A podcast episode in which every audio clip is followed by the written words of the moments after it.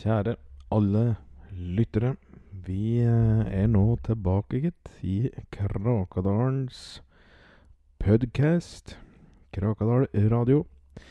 Velkommen eh, skal du alle sammen være, og jeg håper at dette er en episode du vil eh, kunne kose deg med da hele jula. For så vidt. Um, dette er jo ei julefortelling jeg skal uh, fortelle. Og det er jo ikke noe vits i for meg å sitte her og dille-dalle. Det er bare å kjøre på. Men aller først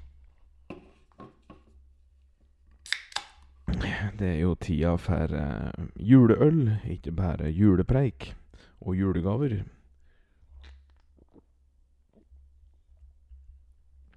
Så det må vi være enig i. Så da er det bare å finne pilsen på for alle dere som vil. Jeg har jo jeg, Helt ærlig, jeg sitter ikke og drikker juleøl nå, så jeg drikker en vanlig pilsner. Jeg er mest glad i pilsner, egentlig. Juleøl, det, det går jo ned etter en sju-åtte vanlige pilsner. Det er ikke det, men um, det er ikke akkurat noen favoritt um, i Krakadal studio. Det skal jeg innrømme. Men nå er det nok tulleball. Nå skal vi til Krakadalen, inn til de djupe skoger. Der snøen laver ned og månen henger lavt. Men den er ganske stor blant grantoppa der. Og snøen den stråler i, i, i, i diamanter med sitt hvite klede, der det dekker både stubber og måser. Jeg kan se gaupespor bakom låven til eh, Otto Ragnhalsen, er det vel han heter. Og på fuglebrettet til Reidun Aslaksen så er det full fest med både dompop og, og hakkespett. Eh, og i et vindu ved nedgrenda så kan du se noen unger som flyger att og fram mellom juletre og spisebord, mens foreldra smiler og eter. I Krakadal sentrum, der står julekoret og synger noe ja, sure toner. Kanskje litt surere i år enn i fjor, for Jesper Johansson, som faktisk kan synge noenlunde rent, han er forkjøla denne kvelden. Så det er ikke pent åt øra noe egentlig, av det som jamres utover uh, plassen i, i Krakadal sentrum. Men Krakadalsfolket er jo ikke så neie på hesse ting letter. De syns bare det er trivelig at noen i det hele tatt synger. Så, så julekoret de får nå en slant i, i histen og pisten av muntre forbipasserende. Og de som ikke har kronasjer å gi bort, de gir bort en mandarin, eller en potet, kanskje, hvis de tilfeldigvis skulle ha pottiser i, i, lommen. Vi skal litt opp i høgden, blant røslige furustammer. Der er det en diger elg som står og stamper bortover sida, med denne meterhøye snøen, og står og snøfter, og en kjøttmeis og en grønnsisik, de sitter på furutoppen og rister av seg snø og plystrer og ler for seg sjæl denne julekvelden her. Og litt lenger borte, der elgen beveger seg forbi forbi dette lille huset til frøken Alma Grenersen, og enda litt bortover stien, så du kommer til et litt snodig og lugubert stelle, der spritrøkter uh, Olga Gundersen hører til med brenninga si, så skal vi faktisk enda over et berg og noe furutopper til. Vi skal forbi Trollgrotta og nedover selve Krakadalstripa. Og så skal vi over en bekk, og så litt til. Og da på ei lita høgde, omkranset av skog, så kan man skimte ljus. Og går du nærmere der, så kan du se et trehus. Et, eh, et ganske stort trehus med, med ett tårn på hver side av bygget. Eh, og dette er Krakadalens togstasjon. Og den er jo Ja. Av en eller annen merkelig grunn så er den plassert da, midt ute i Hutaheiti, der sjøl de reisende sliter med å komme til, til og ifra. Uh, men så er det jo en grunn til det. Og den grunnen er jo òg litt enkel, for det skal kunne gå an å etterlate smuglergods uten at Fut og Snut skal få tak på det. Så det er jo derfor uh, de uh, gjorde det slik. Sjøl om snøen laver ned med store filler, så kan vi, så kan vi gå nærmere. I et oppjust eh, Vi kan gå til det oppjuste vinduet på høyre side, på framsida der. Det står et digert juletre utafor på perrongen, og et ganske stort et midt i bygget, der alle venter på toget. Og sjæl om Altså venterommet, altså. Og sjæl om rommet der er mørkt, så ljuser treet. Og i det oppjuste vinduet på enda av bygget, der kan vi se en familie på fire. En mor og en far, datter og sønn. Og mor og far kan man se uh, at de eter grådig tur ribbetallerken. Men om vi ser nærmere på unga, så sitter de og, og bare rører i surkålen. Og det er ikke så rart. For Dummes farmor, Fredrikke Adelsgran heter hun, hun eh, døde kvelden før, altså lille julaften, 94 år gammel. Og Fredrikke hun hadde nemlig oppdratt de to små som satt og rørte rundt i surkålen. For Dummes foreldre de hadde vært altfor opptatt med togdrift. Vesle Ruth og Vesle Rolf var egentlig Ja, de var jo egentlig ikke ønsket til jorda. Men mor og far skjønte ikke sjæl at de ikke ville ha noen unger, så de fødte dem til verden lell. Og heldigvis eh, for det tenkte Fredrikke Og heldigvis for det, da, tenkte Fredrikke Adelsgran. For sønnen hennes hadde alltid vært noe Han hadde alltid vært noe rart med sin så det var ikke noe artig å å være mor hans i grunnen. men eh, nå når hun fikk barnebarn, og i tillegg muligheten til å oppdra dem, så var hun Fredrikke så glad, så glad, og la all si tid og kjærlighet i Ruth og Rolf. Ruth og Rolf hadde ikke sett foreldra sine på flere år, og de var jo nå eh, Denne julekvelden som vi nå står og titter inn i glassruta til dem, nå satt de der, og de var 11 og 12 år gamle. Så det var i utgangspunktet ikke så mange år å ta av. Men, eh, men, det er klart, om vi preker en sju-åtte år siden, siden sist da, de, de, så sine foreldre, så, så tror ikke jeg at jeg overdriver uh, noe særlig. Uh, det tror jeg ikke. men det Det spilles um, julemusikk på radioen. Mor leser i et julemagasin mens hun eter, og der kan hun lese at damer i Oklahoma de, får, de får ikke lov å sitte på fanget til kærer. Og da sitter hun der og humrer litt for seg sjæl, dette der, da. Her ler du av, undrer far på. Nei, disse amerikanere er noe snåle tullebukker, da, vet du. Nå får ikke damen lov å sitte på fanget til kæra heller, nå, sa mor. Jaså. Blir lite med julekuk der borte, da, sa far og gliste for seg sjæl. Mor bladde raskt videre, og unga satt fortsatt og rørte rundt i surkålen uten å glane opp. Syns du ikke jeg var noe artig, unger? undrer far på. Jo da, sa Ruth. Har de ikke juleduk i Amerika? undrer Rolf på. Fy faen, er dum i huget du er, du, sa far. Tok en ribbebæta til i kjeften mens blikket var festet på Rolf. Ja, nå kan ikke alle være like smarte som deg, da, brumlebassen, sa mor og tok en liten slurk med akevitt. Det ble rolig igjen rundt middagsbordet, og det eneste man hørte, det var slafsinga til far, og, og ribbefettet, det kunne du se renne ned på bordet ifra haka hans. Både Ruth og Rolf kunne høre bitte små skritt som uh, rusler rundt. Det tilhørte togstasjonens eget musekompani, bestående av tullemus og luremus, uh, gråmus, havmus og villgrus. Villgrus skulle egentlig hete villmus, men, uh, men ettersom hans mor ikke var så sterk i stavinga, så ble navnet hennes da Villgrus, da.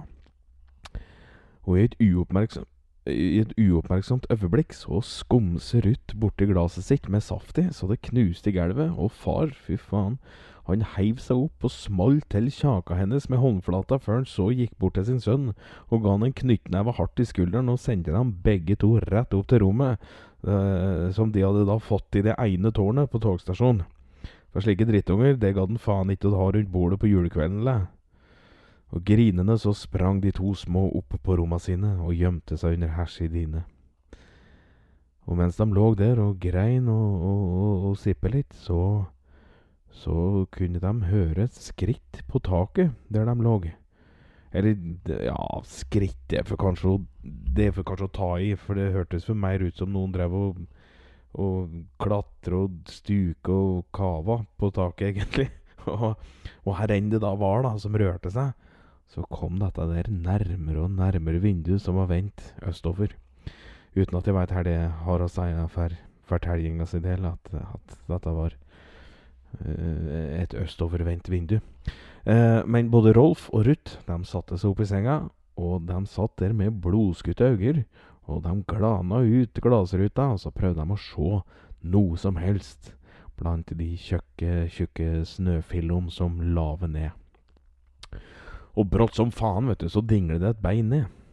Med en brun og slite fjellsko med røde lisser på, og plutselig så datt det et bein til ned, som leite etter vinduskarmen så det kunne feste tak. Men på det beinet der så fantes det jo ingen sko. Det var bare en diger fot, med tre digre totolotter og to stumper, der de to siste totelotta skulle ha vært. Og så senker det seg, da, en liten skrått med svarte nikkers og en sjømannsgenser, rød lue og utrolig langt hår og skjegg. Og denne lille gubben han sto på vinduskarmen og glana unga rett i auga, og så gjorde han en bevegelse da, med hånda som antyda at han hadde et ønske om at de måtte gjerne ta og åpne opp vinduet, for det var litt kaldt, det var litt kaldt ute. Ja, tær vi det, da? undrer Rolf på. Han ligner jo litt på nisse, da svarer Ruth. Jo, men nisser kan jo være farlige, de òg. Har du ikke hørt om blodnisser? Blodnisser? Ja, det er nisser som lurer deg med gaver, men da du, da du kommer nærme nok, så fanger de deg, og så pakker de deg inn i ei pakke, og så stikker de ei nål inn i pakka, og inni deg, og så suger de ut blodet ditt. Hvorfor er de det, undrer Ruth på. Noen sier det er eh, eh, på grunn av at blodnisser har mangel på vitamin B mens andre sier at de fikk for lite muffeluffer når de var små. Ja, men muffeluffer, her er det for noe? Det får du hvis du pisker egg og sukker stivt. Og så trenger du noe vaniljesukker og noe bakepulver og noe melk. Og så smeller du oppi noe mel, og så blir dette i passe røre. Og så lar du dette stå i 30 minutter. Og så steiker du pukete på svak varme i ei tær panne. Og bom, bom, bom, der har du muffeluff. Slipp meg inn unger, så jeg ikke friser av meg de andre totolotta òg. Og så hvis du har sett en blodnisse noen gang, så ser, ikke, så ser, jo ikke jeg, så ser du jo det at jeg ikke er en av dem, vet du. Svarer nissen og, og, og Så sto på vinduskarmen. Ja, men her ser en blodnisse ut, da? undrer Ruth på. Ja, du er ei slik ei som sperrer om alt mulig rart, du skjønner. Ja. Det er bra, det. Spørsmålet er viktig å stille om du skal bli noe klokere. En blodnisse det er ganske mye større. Den er ganske mye større, for den bruker alle kvelder utenom julaften på bare, hvile, bare ved milevis om dagen. Og så på kvelda da sitter de og så skjærer de i leppene sine med kniv, og så fyller de opp med måse i leppen, så det skal se ut som om de har fått vepsestek i leppen. da, vet du. Og folk tror jo òg at det kan komme av alt blodet de suger, men jeg vet da faen, gjelder. Jeg har bare sett et par stykker av dem, og ingen, ingen av de visste hvor blod kom ifra engang, så jeg vet ikke hvor mye de suger og holder på, med. uff a meg, nei, du, nå friser jeg snart pekkhetta av meg, eget, så vil du være så snille å åpne vinduet til meg? Han Rolf, han gikk bort til vinduet, og, og, og den vesle karen, han, han hopper ned, da. Tusen takk og takk og takk, Rolf Bass. Mitt navn er Reidar, og jeg er fjøsnisse på det 40. året nå, faktisk, og for en glede at uh, dette skal være at jeg skal få feire julaften med død i år, da, gitt. Ja Feire med deg, og, og, og, du er en fjøsnisse, kom det fra Ruth. Kjære gode ruttegrutte, det stemmer, jeg er fjøsnisse, og så om du vil feire med meg, så er så klart det, det er jo selvfølgelig ditt helt egne valg, det, jeg tvinger absolutt ingen. Men er det noe som helst konjakk dette huset her? Ja, jeg veit ikke, her det vi, vi jeg, det svarer Rolf, og da sa fjøsnisse Reidar at det spilte ingen rolle, og at han snart var tilbake. Han liste seg ned trappa og så far og mor sitte i stillhet rundt bordet og knaske på hver sin ribbebæta, og Reidar han stusset på at far hadde lagt igjen så mye surkål i skjegget. Men det får nå så være, for på bordet så sto det en konjakk Le Rode 1903 Grand Champagne, og det var litt under halve flaska att, og her tenkte fjøsnisse Reidar at han måtte være smart. Eh Ja, ikke Sant. Det var litt under flaska att. Og her tenkte fjøsnisse Reidar at han måtte være smart. Han var heldigvis ikke høyere enn at topplua rakk litt over bordkanten, så han begde riggen litt, og så lusken som reine Grinchen den gikk på tåtuppa sine. Og så tok han tak i en lefserull som lå på bordet, som ingen så at han gjorde, og så tok han og heiv denne lefserullen på vindusruta. Og far skvatt til og spurte mor her dæven var det hun drev med. Ja, det var da ikke meg, svarer hun og skatte seg rundt. Og plutselig så kom det tre mus farende forbi gelvelisten som hadde sett at fjøsnisse Reidar var på besøk, og det var villgrus, tullemus og luremus. Og tullemus hun pilte fram til fjøsnisse Reidar. Herre driveliver du med, nissetissen? undret tullemus på. Ikke kall meg nissetiss, da, da har du en fis og et rævelsår i hvert fall, svarer Reidar. En fis og et rævelsår? Men rævhår fins ikke, men rævhår fins ikke i rævhæl, tror jeg. Jeg veit faktisk ikke om jeg har hår i selve rævelen, eller? Jeg tror ikke det. Fjøsnissen ble litt mutt og så litt tankefull, så han ba om å få se. Tok tak i halen til tullemus, og så hesten musa opp og glana inn i rævhælet på musa. Det er faen ikke negagett å se, se for, for, å være helt ærlig. Rævhølet er ikke så trangt, jeg tror ikke jeg får en finger inn for å kjenne etter, eller? Å, men kjære deg, Reidar, jeg bare tuller, bare tuller, jeg. Vær så snill og ikke putt, fingeren inn i ræva mi, for da kommer jeg til å, jeg til å revne så fort at det ikke, det ikke sikkert jeg overlever heller, vet du, Amma. Tullemus var redd nå. Hun var redd. Uff, nei, jeg, jeg ville da aldri gjort noe slikt, Tullemus. Men da kaller jeg deg bare Pumpelort, og så får det være greit. Ja, det er greit. Men hva driver du med? Jeg har så lyst på konjakken som står der, men jeg må passe på så de som eier flaska ikke ser meg.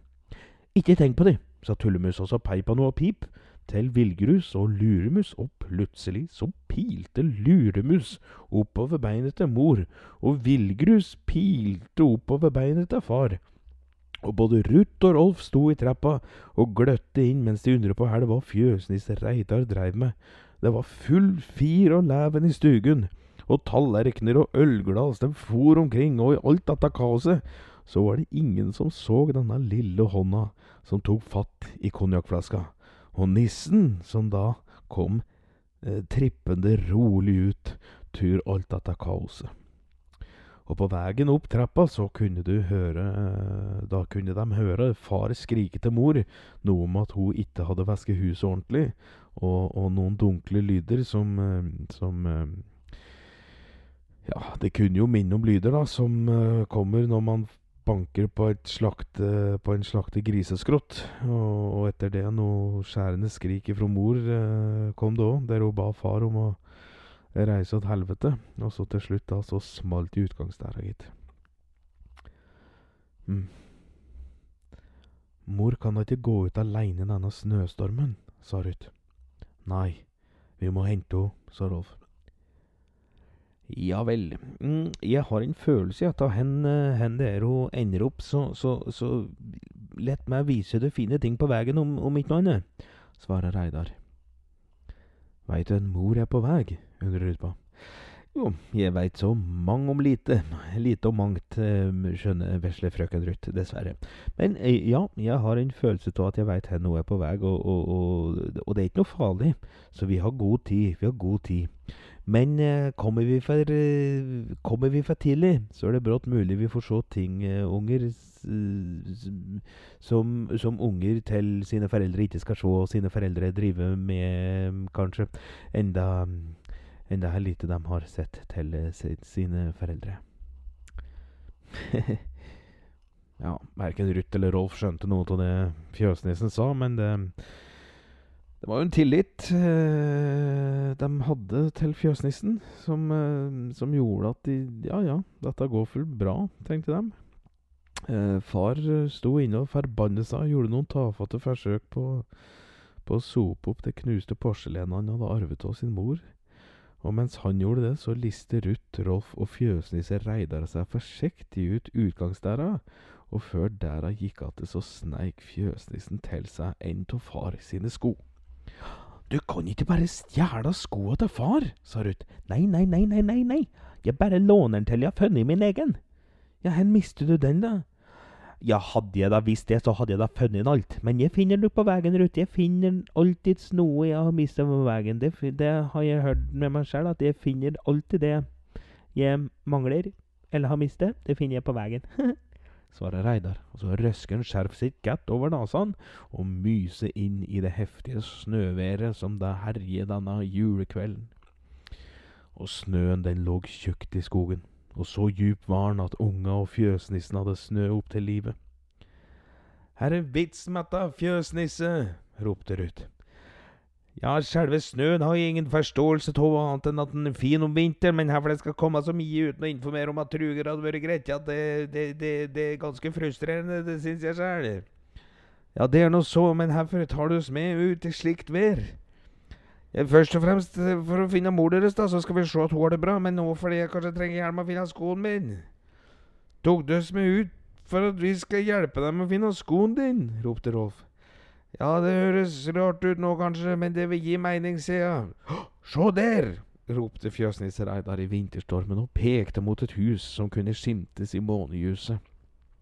Men det så, ikke, det så ikke ut til at det bodde noen der. Det var mørkt i vinduet, og, og, og, men det var måkt rundt der, kunne du se.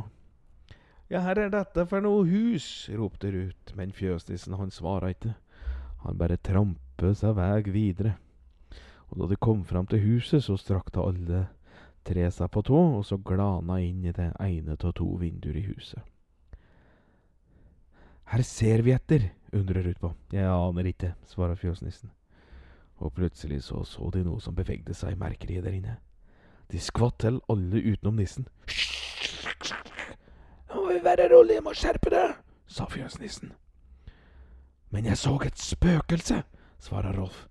Ja, Spøkelser fins i dette huset, men han som du så nå, det var en Kåre Blind. Han ser ingenting, bare suser rundt i huset alene, han, uvitende om at det er spøkelser han driver og preker med.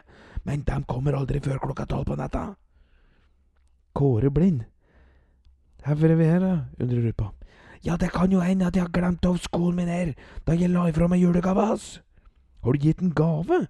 Ja. Ja, men det vil jeg ikke preke noe mer om, svarer fjøsnissen og gikk mot døra. Ok, det du skal gjøre nå, er å banke på døra, og så kan du synge en sang, og så late som at du er julebukker, og imens så sniker jeg meg inn, og så leiter jeg etter skoen min. Ja, bare hvis du sier her du ga han i gave, sa Rolf. Fjøsnissen så irritert bort på gutten og sa da fikk han synge sjæl, mot at dem sneik seg inn for å se etter skoen. Og hvis ikke, så ville han stikke fra dem der ute i snøstormen. Og så fikk de heller klare seg sjæl. Men det ville verken Ruth eller Rolf, så de lot det stå til og, og sa nei, det var greit, han kunne snike seg inn. Fjøsnisse Reidar banker på dæra, og etter ei lita stund så kom det en kær ut med pent gredd hår og pen kledning med skjorte og slips, og i hånda så barn på ei lysestake som juste opp det rue ansiktet til Reidar. Hallo, sa Kåre blind. Hei, Kåre, og god jul. Eh, det er julebukken Reidar her, og jeg ville gjerne få sunget en julesang åt deg, sa fjøsnisse Reidar. ja, så koselig, det vil jeg gjerne høre. Vil du komme inn, så slipper vi å stå i denne fæle vinden. Ja, ja, men sann, det er ingen dum idé, det er ingen dumme, dumme idé, sa fjøsnissen og ble med Kåre inn. Og rett før Kåre rakk å stenge der, så sneik Ruth og Rolf seg inn, og stelte seg da helt inntil veggen.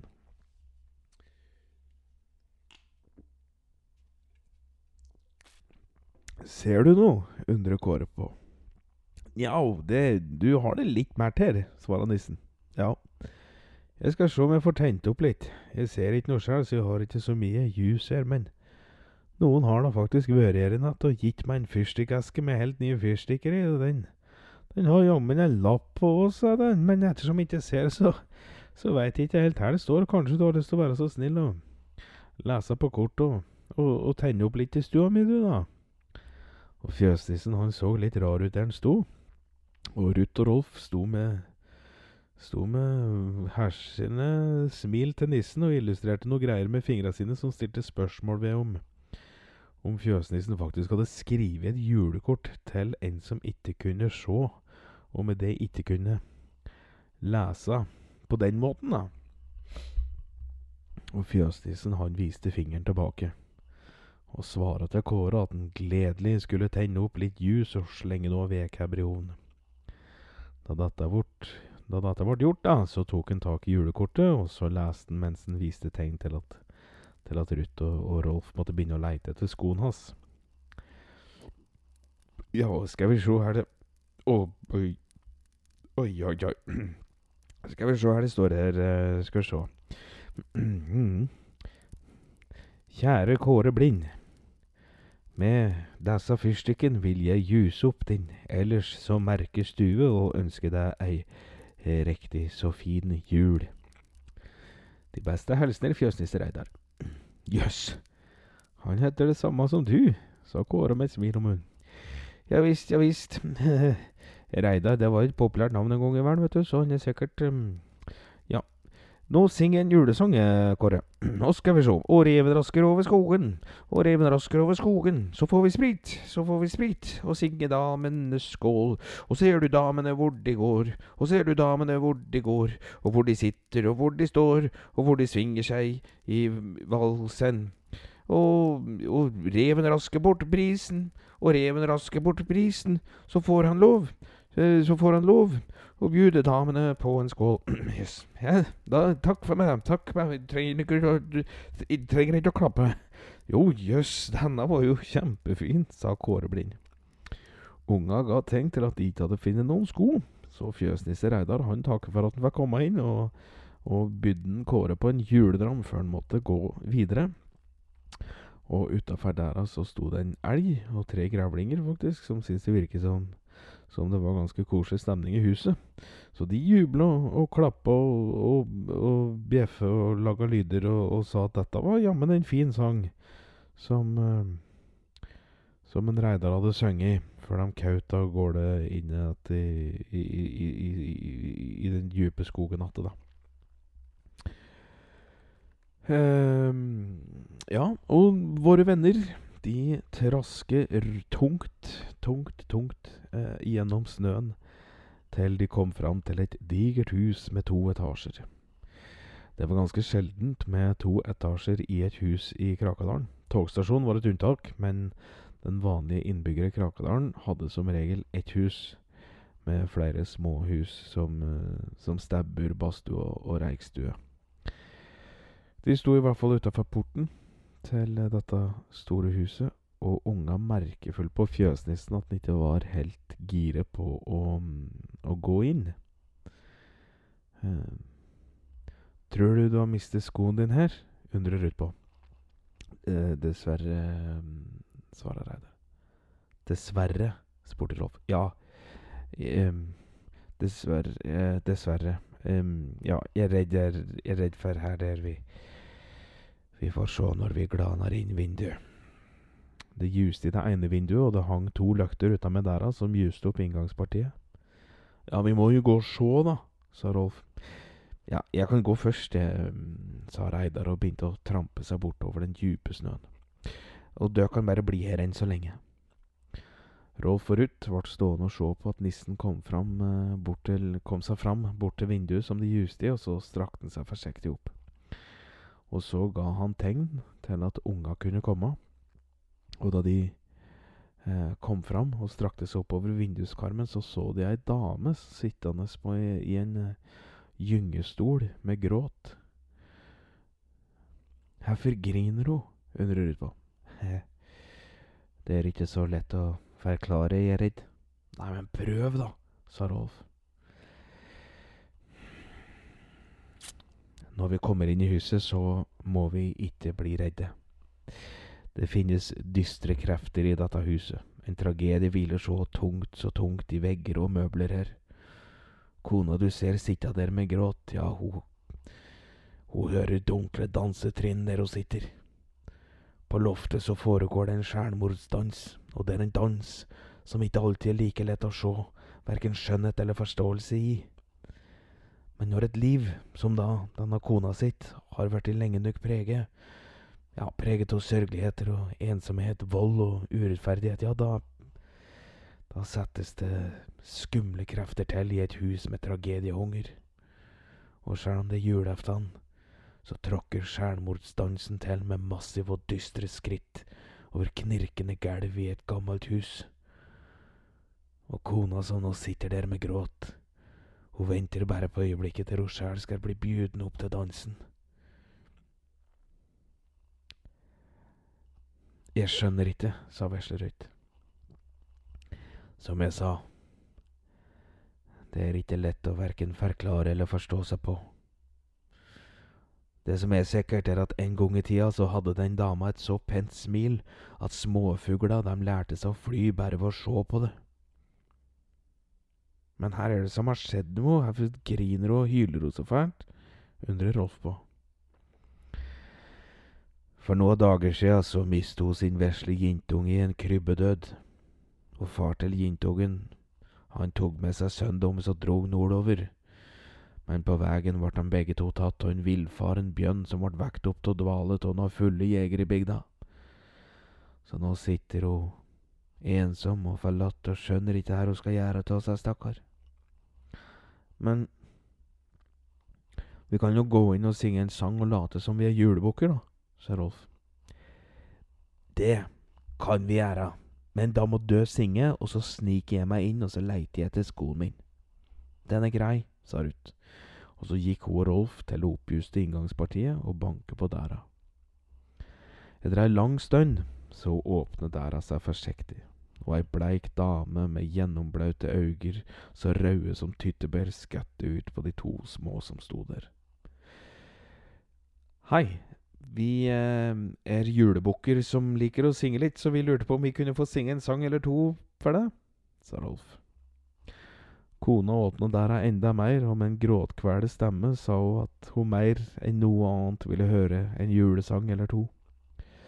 Kona satte seg i gyngestolen og tok en stor slurk av ei diger glassflaske med noe gyllenbrunt, og så sa hun Sett i gang, mine kjære små venner.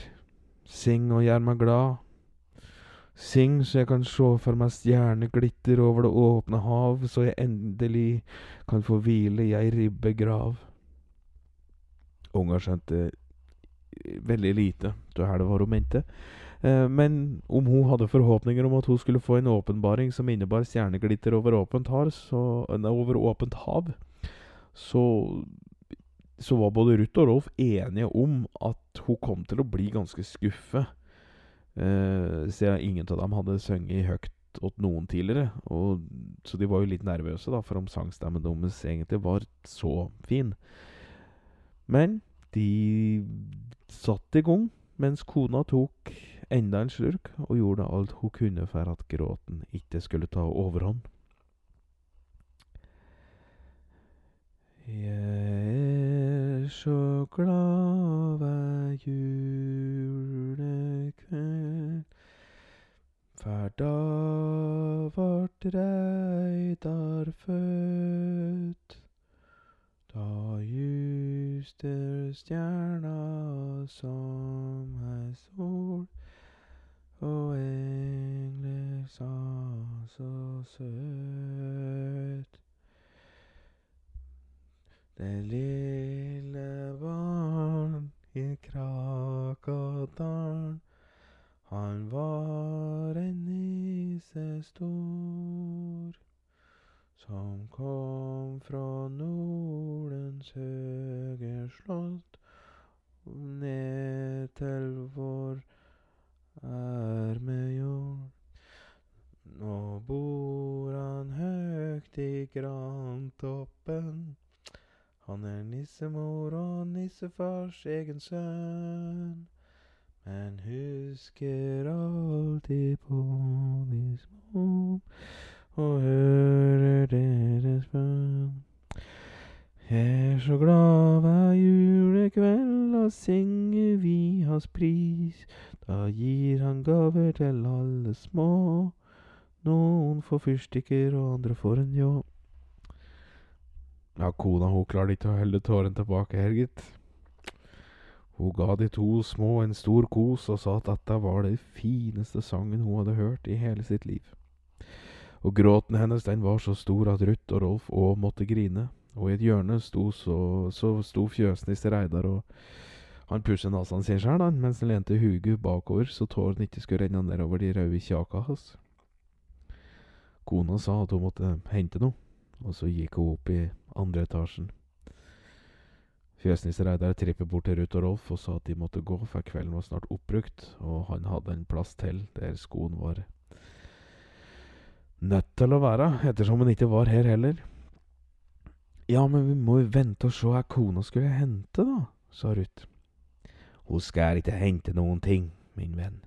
Hun skal opp for å danse, svarer Reidar. Sang vi så bra at hun ville danse, undrer Ruth på. Det stemmer. Så fine toner ga død til den sørgelige kona at hun kjente en varme og en kjærlighet som gjorde at hun fikk lyst til å danse. Og kanskje så hun sine egne to barn et øyeblikk, som gjorde at hun forsto her høgt hun elsker sine egne to, at hun ikke lenger bare kunne sitte her og sørge i tomheten, men at hun faktisk var nødt til å danse. Så nå må vi gå. Han hjalp Ruth og Rolf med å sette på seg skoa igjen, og knepte jakka til Rolf godt att og surre skjerfet til Ruth godt over munnen så de ikke skulle frise på den siste strekningen.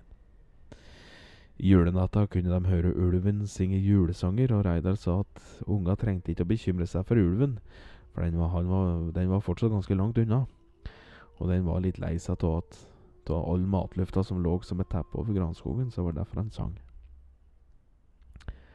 Etter ei lita stund så spurte Ruth eh, Hvorfor var du innom den triste kona? Ga du, og, ga du hun òg en, en, gave? Ja, det gjorde jeg. Og fjøsnissen han så ikke ut til å ville si noe mer. Ja, fikk hun gava?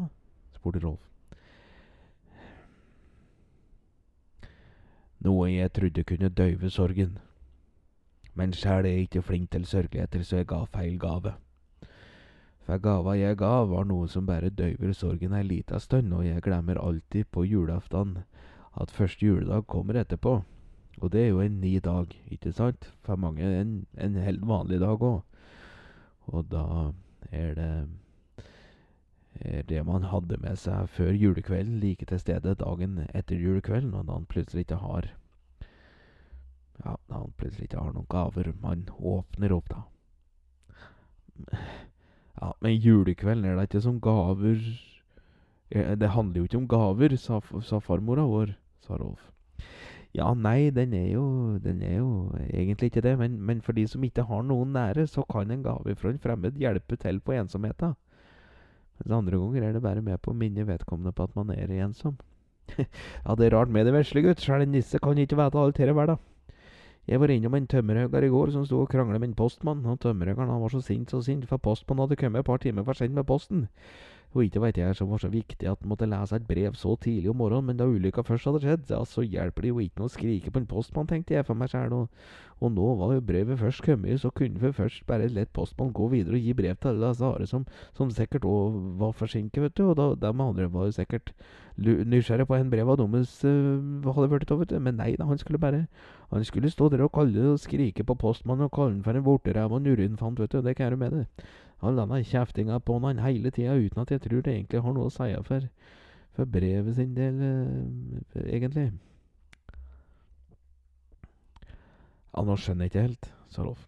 Eh, nei, det er som jeg sa, det legger jo ikke lett å skjønne seg på alt det der, men det er mye fine ting òg. Det er mye fine ting òg, sa fjøsnissen og marsjerte bestemt videre blant de snøtunge grantrea som ruger høyt over bakken.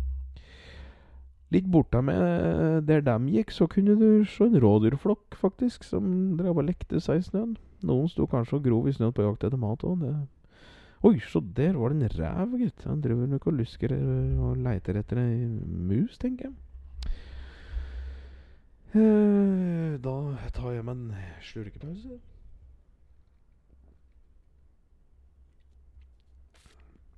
Etter um etter ei stund så, så gikk de forbi ei løktestelpe, og der sto det en krokete gubbe og ei krokete kjerring, og de sto der og kaklet på han. Du kan ikke skete kråke på julekvelden, har jeg sagt, Odd. Jo, jeg vil, har jeg sagt, Ingelin. Nei, men kråkas Kråka Kråkeskriket tilhører jævelen. Og hører jævelen kråka skrike på julekvelden, da striker du med. Ja, det skiter jeg i, Ingelin. Det skiter jeg i, jeg har ikke fisje på ti år. Jeg spiller det, for rolle om du har fisje på ti år, Odd. Du trenger ikke skite, skite kråka for det. Da får du heller gå og fisje. Jeg fisjer ikke på vinteren, skjønner du, full, for det er kaldt åt meg.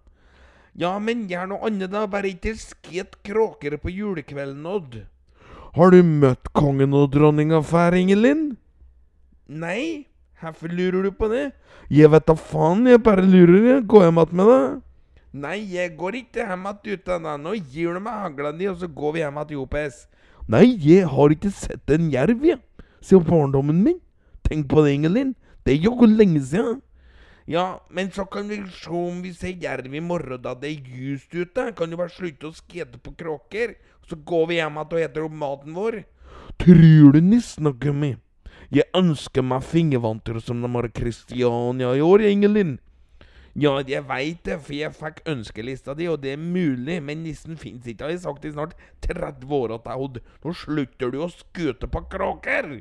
Hvis ikke nissen fins, så skuter jeg meg sjæl, din.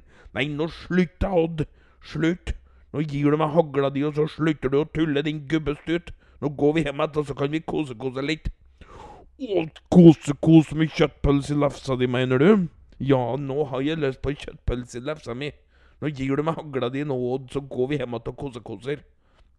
Og Odd ga Ingelin hagla si, og så trasket de over den nylagte snøen. Her var det de krangler om, Reidar?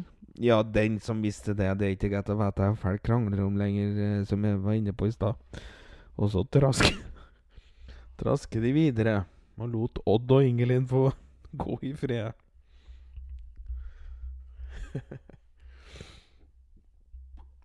Men de kom så fram til et lite tun, og der kunne det høres latter og hoiing, og brått så så våre venner seks stykk nakne skrotter som hopp og spratt nesen i snøen og opp att, før de da sprang inn att i ei badstue. Oi, det, det ok, det er såpass sent, ja, sa fjøsnissen bare. Du, jeg lurer på om jeg bare sniker meg inn her, og så ser om jeg finner igjen skoen min, og så kan du bare vente her så lenge, er ikke det Jo, vidt, jep, jep. Og så pilte snøen Nei, Reidar over snøen, og så sneik han seg inn i huset, som antageligvis sto tomt. Ruth og Reidar var derimot litt nysgjerrige på den nakne gjengen som akkurat hadde vært ute og basa i snøen, så de lister seg mot badstuehuset i, i stjerneglitteret som da gnistrer over denne snøen. Har du hørt denne vitsen her, Færa? Det foregikk en prat mellom to ifra Kongsvinger. I år er julaften på en fredag, sa den ene. Å faen, da håper jeg ikke det er den 13., svarer den andre. Og hele badstua vet ut som skulle rase av all denne latteren de gjorde med. Og unga de bare så på hverandre og stirret forsiktig inn i det lille vinduet. Men folkens, folkens, her sa den ene grisen til den andre på julaften, sa ei dame. Og det hørtes bare mumling og, og veit ikke fra de andre. Tror du på et liv etter julaften? på ni, vet du, så ljomer latteren så høyt, så høyt, og denne gangen da måtte de to små ut, som sto utafor vinduet, de måtte humre litt for seg sjæl. Og tenk så glade folk. Tenk så glade folk hadde de aldri sett før. Ja, i hvert fall ikke siden farmor og deres levde. Og for noen rare historier de fortalte åt noen, da. Gudrun. Gudrun, hør på, hør på Anna. I kjerka står nonnen i kø for å bekjenne sine synder for presten. Den første sier Fy faen. Den første sier Velsign meg, Fader, for jeg har syndet, og jeg har sett, jeg har sett en manns penis, jeg. Og presten er enig i at dette, dette er syndig, men jeg sier at hun kan få tilgivelse ved å væske øva i vide vann. Den neste nonna kommer fram, og så sier Gudrun, hør nå. Da sier den andre nonna, jeg har òg syndefader. Jeg har befølt en manns penis. Og presten sier at hun kan jo tilgis hvis hun vasker nevene sin i vide. Og presten oppdager vet du, så at de, to køen de står og slåss med nebb og klør om å bli neste til å bli, drive og bekjenne, og så spør han om her før de slåss. Og da svarer denne fjerde nonna Ja, jeg prøver å få henne til å forstå at jeg ikke kommer til å drikke av vannet etter at hun har hatt ræva nedi. Og nå lo de alle så høyt at de sprang ut av badstua og hoppet ut i snøen på nytt igjen. Og den ene gubben, han sa Men i alle dager har vi fått besøk? Mens han så Ruth og Rolf stå med store øyne. De hadde aldri sett næsene folk før, så nå var jo ømva deres så store som de holdt på å trille ut. Ja Er det ikke, er det ikke kaldt åtte? spurte Ruth. jo da visst. Visst er det kaldt, men nå skal vi inn til varmen. Det er så greit, så. Har du, har du gått bort, kanskje? Det er julaften, og du skulle få vært hjemme hos mor og far, sa den ene dama. Jo da, vi har vært hjemme, men vi hjelper, eh, vi hjelper en nisse med å finne skoen sin, svarer Rolf. Alle begynte å le mens de reiste seg opp igjen. Ja, altså... men nissen må få klare å finne skoen sin sjæl på en liten kveld, sa den ene gubben. Ja, man skulle tro det, men det gjorde den ikke. Dessuten så skulle ta, eh, ta oss med til mammaen vår som gikk ut tidligere i kveld. Mm. Så du leiter etter mammaen deres? Åkken er det, da? sa han annen. Mia Lykke Leinenen, sa Rolf.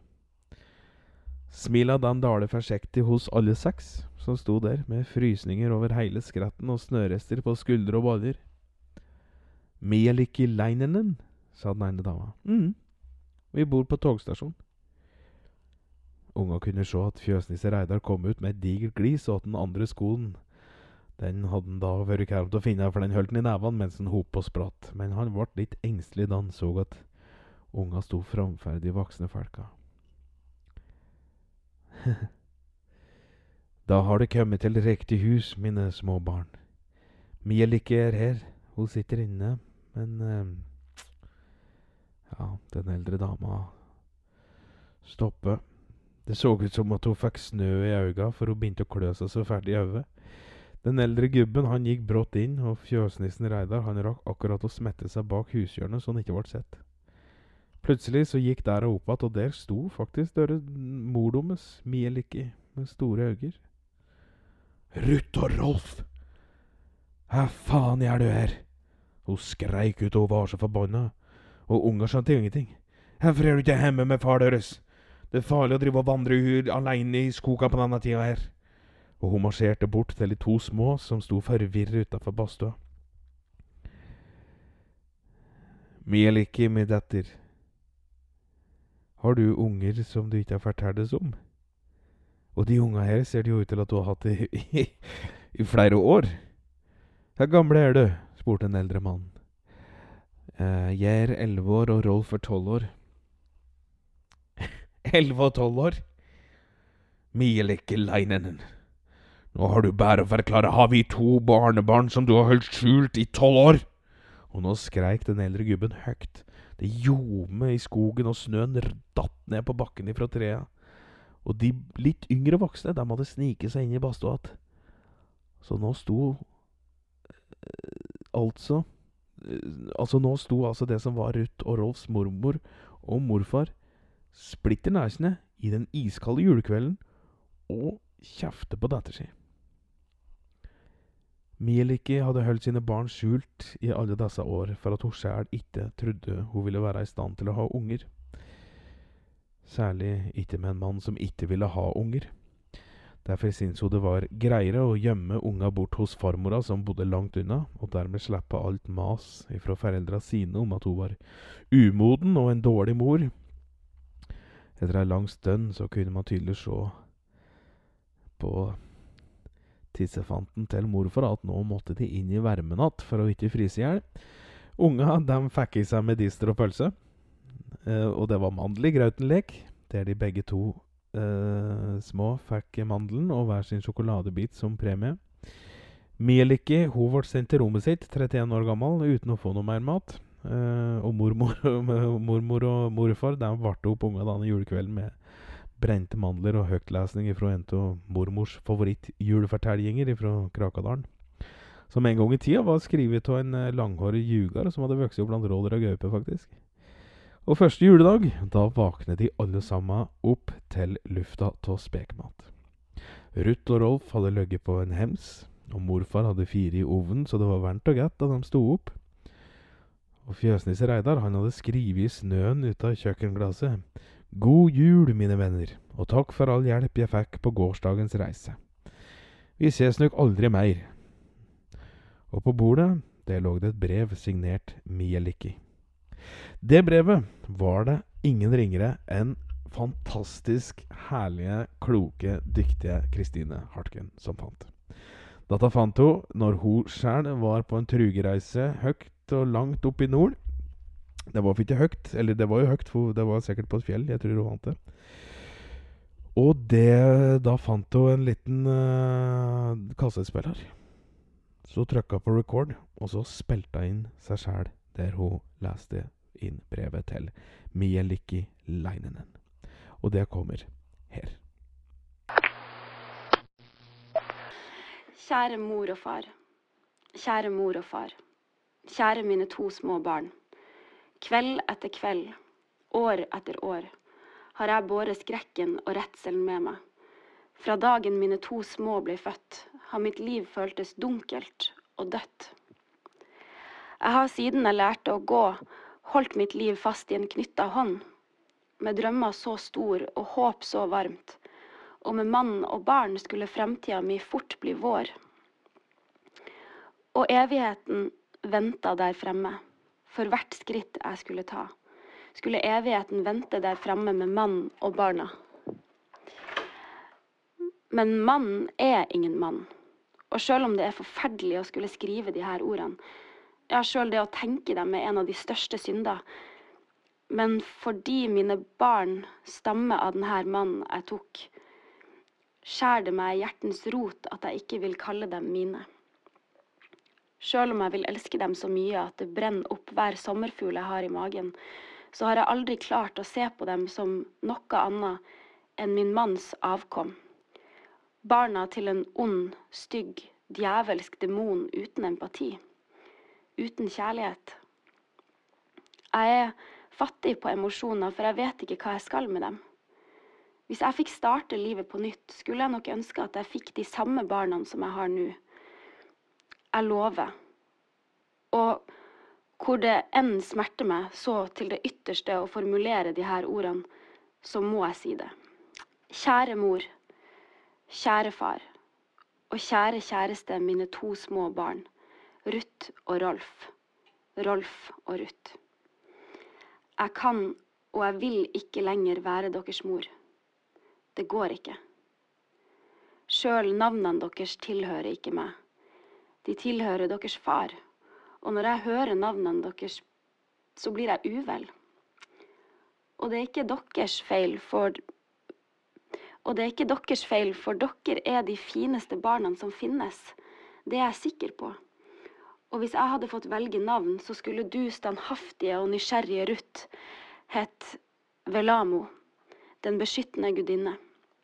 Og du trygge og rolige Rolf, du skulle hett Yrjo, jordens dirigent. Kjære mor og kjære far, vær så snill å ta hånd om mine to små. Sjøl har jeg aldri tatt vare på dem, og min mann vet ikke hva jeg gjør. Gi dem kjærligheten deres datter ikke finner igjen. Gi dem tryggheten deres datter tok ifra dem. Og kjære mor og kjære far, tusen takk for alt dere er. Og tilgi meg for den jeg blei. Hilsen Mjeliki.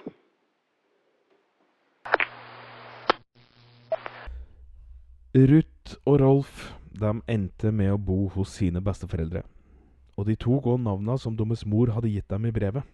Vellamo og Yrjo. Togstasjonen gikk det flere år før de så at det. Men julekvelden året de hadde fylt 20 og 19 år, da tok de å vandre gjennom tjukk snø fram til perrongen som nå sto øde og forlatt. Mor eh, Mielikki hadde ingen sett, men ryktet om sa at hun hadde tatt toget sørover. Og far han hadde noen år tidligere vært bydd opp til selvmordsdans. Så slik gikk det med han. Vellamo og Yrjo børstet snø av skoene sine, gikk inn i det tomme bygget og tente opp lamper og stearinlys. Og mens Vellamo jobbet for å få fyr på peisen, så banket det på dæra. Yrjo gikk og, gikk og åpnet dæra, og på perrongen så sto det en diger kurv fylt opp med julemat, fyrstikker og et par vedkubber. Og så var det en lapp, og på den lappen så sto det 'Kjære Ruth og Rolf'. L.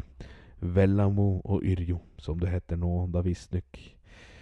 Med disse cabber, fyrstikker og matrester så ønsket jeg ei riktig så god jul. Jeg håper det vil juse opp litt denne julekvelden, og på en slik kveld er det alltid så ålreit med visshet om at de nære har det bra. Og jeg vil òg at dere, dere skal vite at deres mor har det bra, og at hun tenker på det hele tida. Jeg håper hun angrer litt på valget, men som nisse så verken kan eller vil jeg mene noe som helst. Ha ei riktig god jul, mine venner, og håper den lille pissefanten til morfar deres har kommet fram att. De beste hilsener Fjøsnissen Reidar. Og her ender historien vår.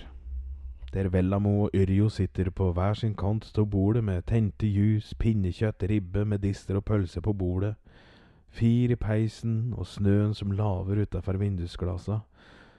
Og utafor i snøen gikk Krakadalens vinterkor og sang Det kimer nå til julefest med tente ljus i hersin neva og rosenrøde kinn. Kjære Krakadalslyttere. Ha ei riktig, riktig god jul. Ta vare på den, og jeg håper du får alt det du har ønsket deg. Ha det. Å, vent! Og tusen, tusen, tusen takk til Kristine Hartgen for at hun var med og leste i dag. God jul!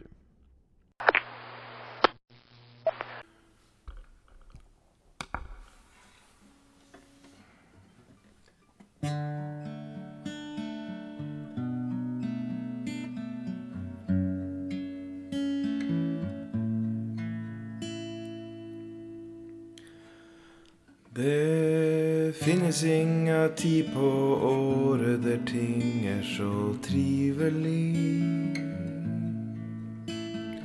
Ribba står i ovnen og grauten hviler med en mandel i. Mormor glaner på nyheter og far pynter opp. Mor legger ved i ovnen og sister eter dop. Det ligger gaver og venter under hertenda tre. Sjæl sitter jeg i stua og følger itte med. God jul,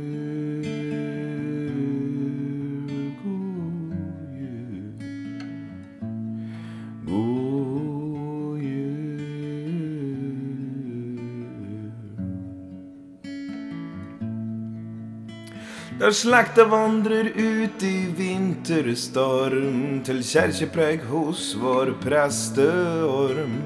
Sitter jeg alt og bøter mine synder og skrell. For Jesus bryr seg ikke noe særlig lell. Bror satte fyr på fattigstugan. Han ønsker ikke fredskjær på julaftan. God jul, god jul. God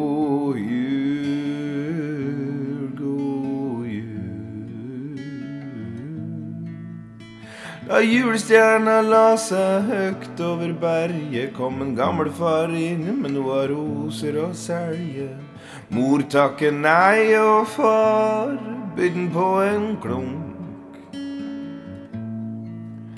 En gamle far la rosen ned og satte seg ved ovn. Og julefreden senkes og alle har eti seg mette. Og gaven rives opp som et villeskjær av helvete. God jul, god jul. God jul, god jul.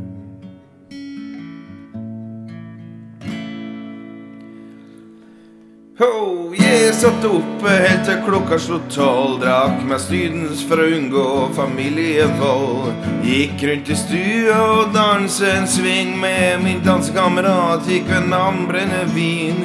Vi gliste og lo mens gulvet var kavaler. Og huset var tomt og ingen andre ler. Da ljuset brant ned og alt var forlatt, fant jeg veien til himmel fant den bak rattet.